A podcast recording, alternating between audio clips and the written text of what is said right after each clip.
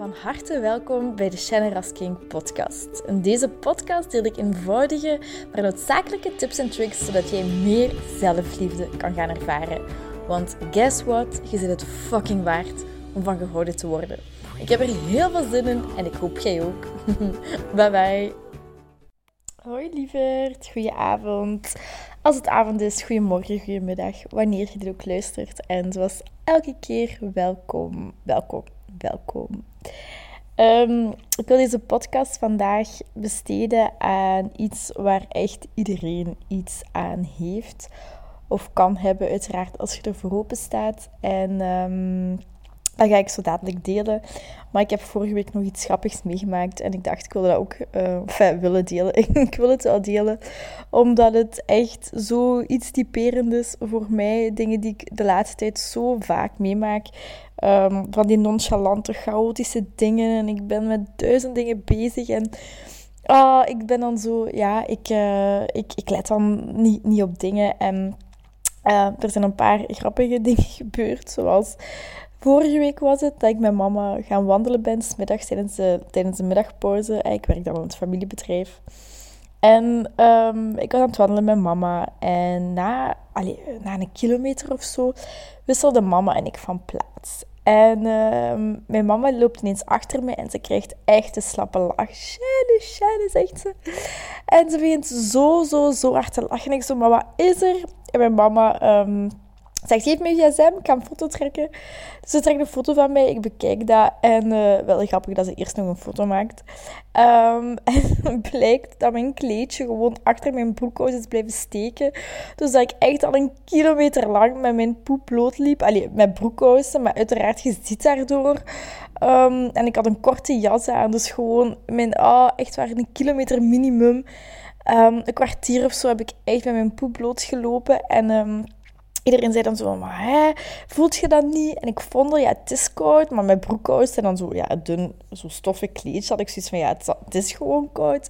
En niemand heeft iets gezegd. Er zijn fietsers voorbij mij gelopen, er zijn wandelaars voorbij gekomen, um, wandelaars achter mij gelopen. Ik, ik weet dat nog, er zijn er niet veel geweest, maar ik weet dat er twee vrouwen achter mij liepen.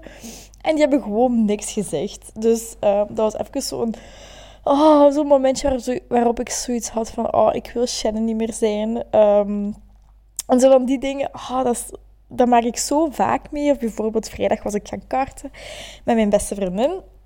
En ik, we waren met vier. En we vertrokken met vier.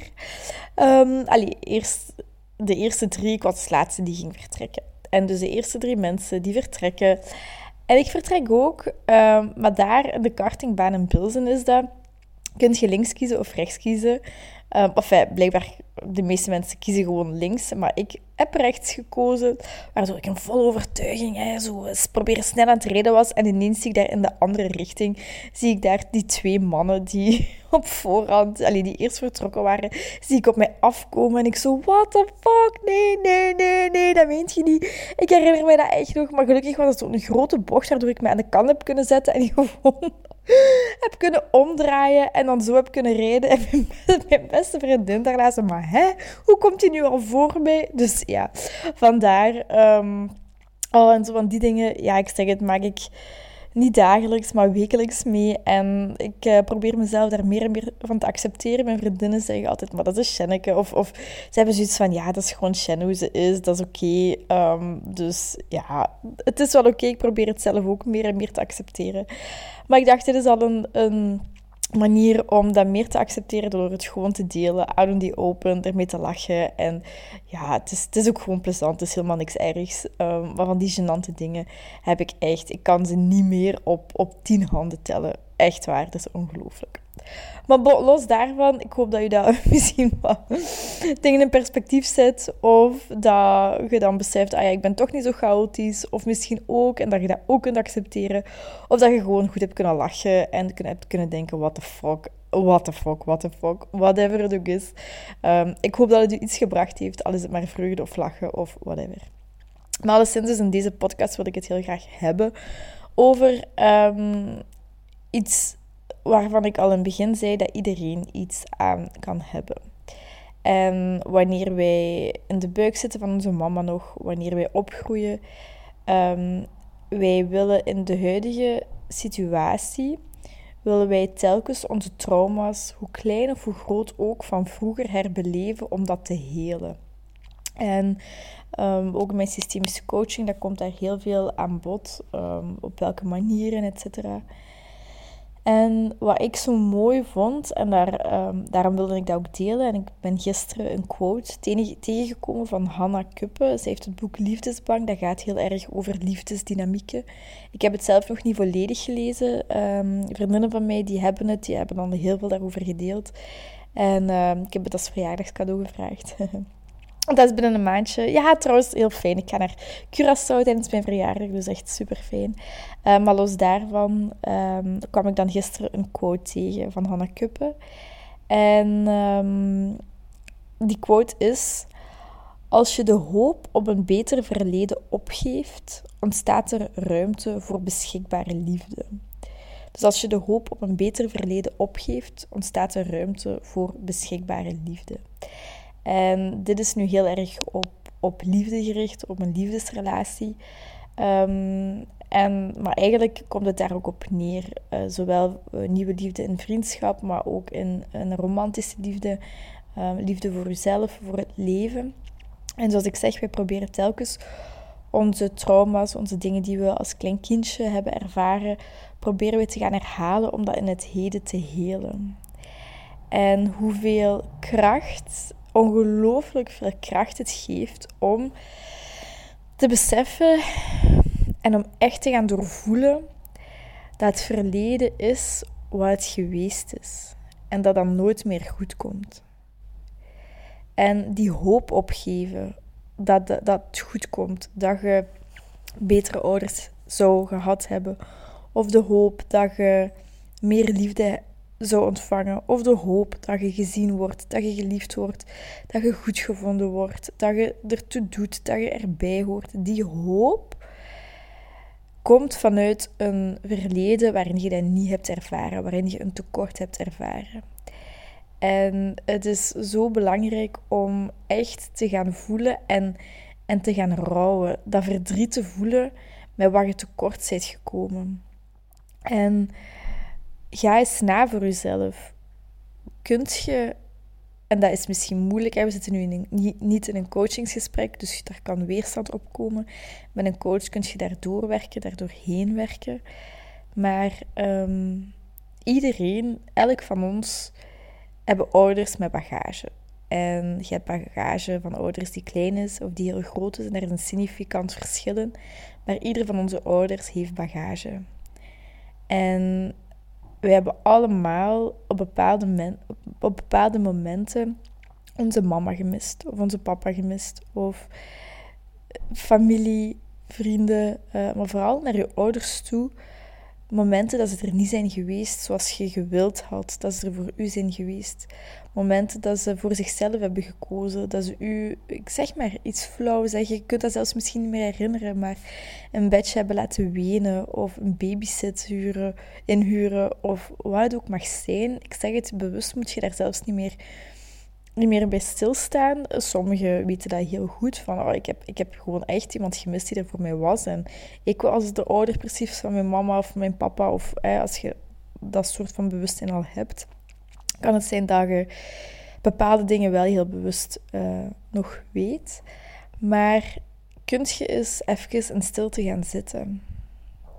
En zeggen, stel uw, uw papa voor u voor en stel uw mama voor u voor. En, sorry, kunt je zeggen tegen uw mama, mama, ik heb u gemist.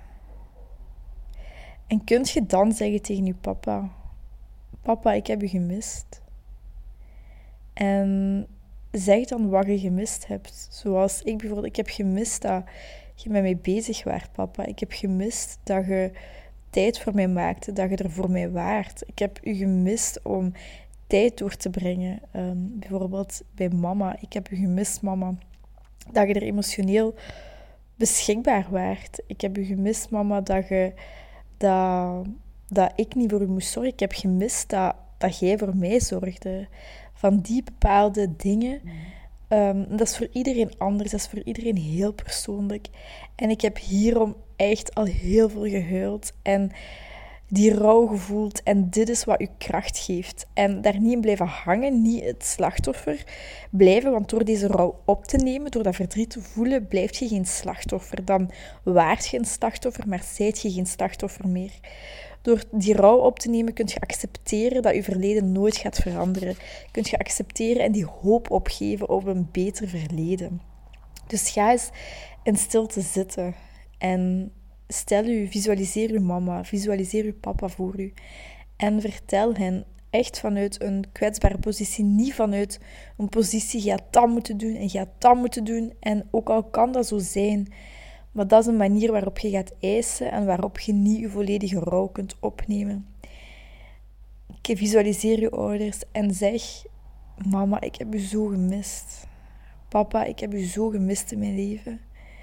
En ik heb gemist bijvoorbeeld dat je mij niet accepteerde voor wie ik was. Ik heb gemist dat, je, dat ik niet goed genoeg voor u was. Wat, welk gevoel je daar ook bij hebt, benoem het in jezelf. Spreek het uit. Um, hardop uit terwijl je je, ouders voor je visualiseert. Je hoeft dat niet uh, fysiek tegen hen te doen, maar neem die rouw op. Voel dat verdriet. Doorvoel dat echt. Um, zodat je die hoop kunt opgeven op een beter leven. En wanneer je dat doet, kom je zo hard in je kracht te staan. Voelt je echt dat je, dat je gewoon fucking krachtig bent, dat je, zit je meer jezelf, want je hangt niet meer vast aan het verleden wanneer je vasthangt aan het verleden, dan zijn je handen vastgeketend. En je kunt niet heel moeilijk je eigen leven leiden. En bepaalde patronen herhalen zich. Dezelfde partners die je aantrekt, op dezelfde financiële situaties, dezelfde ziektes. Wat het ook mag zijn, wat in je patroon zit of in je systeem zit. Je blijft dat aantrekken zolang je niet loskomt van je verleden. En het is niet ene keer die rouw opnemen. Het is niet ene keer dat verdriet voelen. Maar um, dat af en toe eens doen. En wanneer je voelt dat je daar nood aan hebt, deze oefening opnieuw doen. En je mama en papa visualiseren en opnieuw zeggen: Oh, ik heb jullie zo gemist. En wat wel belangrijk is daarna, om hen ook te bedanken voor wat ze wel hebben gedaan. En soms kan dat heel moeilijk zijn om dat te voelen, maar dat is super belangrijk om te doen. Al is het maar gewoon dat je kunt zeggen: Mama en papa, dank u wel dat jullie mij het leven hebben gegeven. Dank jullie wel dat jullie mij het leven hebben gegeven, want dat hebben zij u gegeven. En je werd er nooit geweest, uiteraard, zonder hen.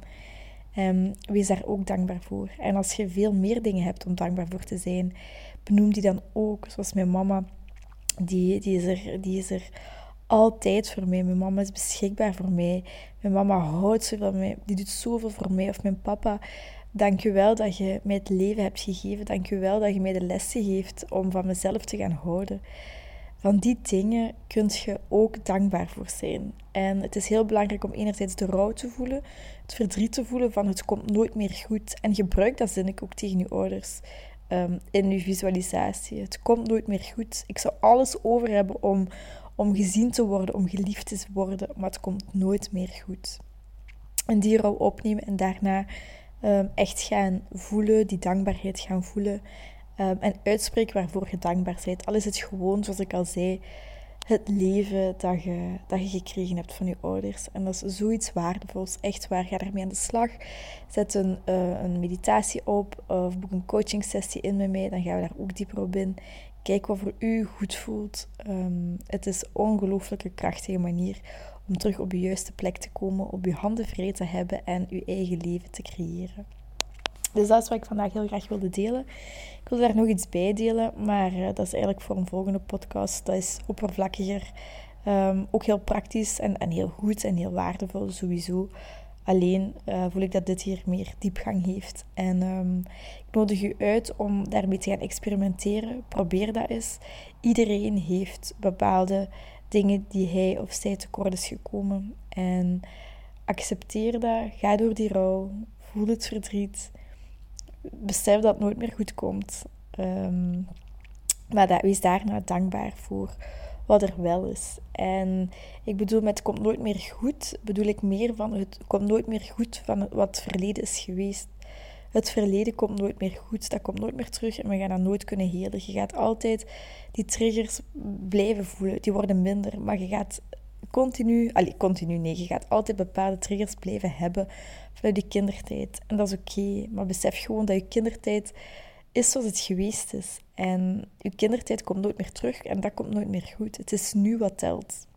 Het accepteren um, en de hoop opgeven voor een betere verleden, zodat een nieuwe liefde of een vriendschap en um, goede dingen zich kunnen aanbieden. Voilà, zie. Ik, uh, ik hoop dat, allee, ik hoop, ja, ik wens het voor u toe dat je ermee aan de slag gaat, dat je er iets mee zijt, uh, dat je ook hebt kunnen lachen met het begin van de podcast. en uh, dan ga ik een hele fijne avond of dag of middag toewensen. Um, en misschien kunt je jezelf de vraag stellen: wat is nu één ding dat je kunt doen om, uh, voor jezelf, om je beter te voelen of om je nog beter te voelen of goed te voelen, wat ook mag zijn. Wat is één ding dat je nu kunt doen voor jezelf? Heel, heel, heel veel liefs en tot de volgende. Heel erg bedankt om deze aflevering van de Generous King podcast te beluisteren.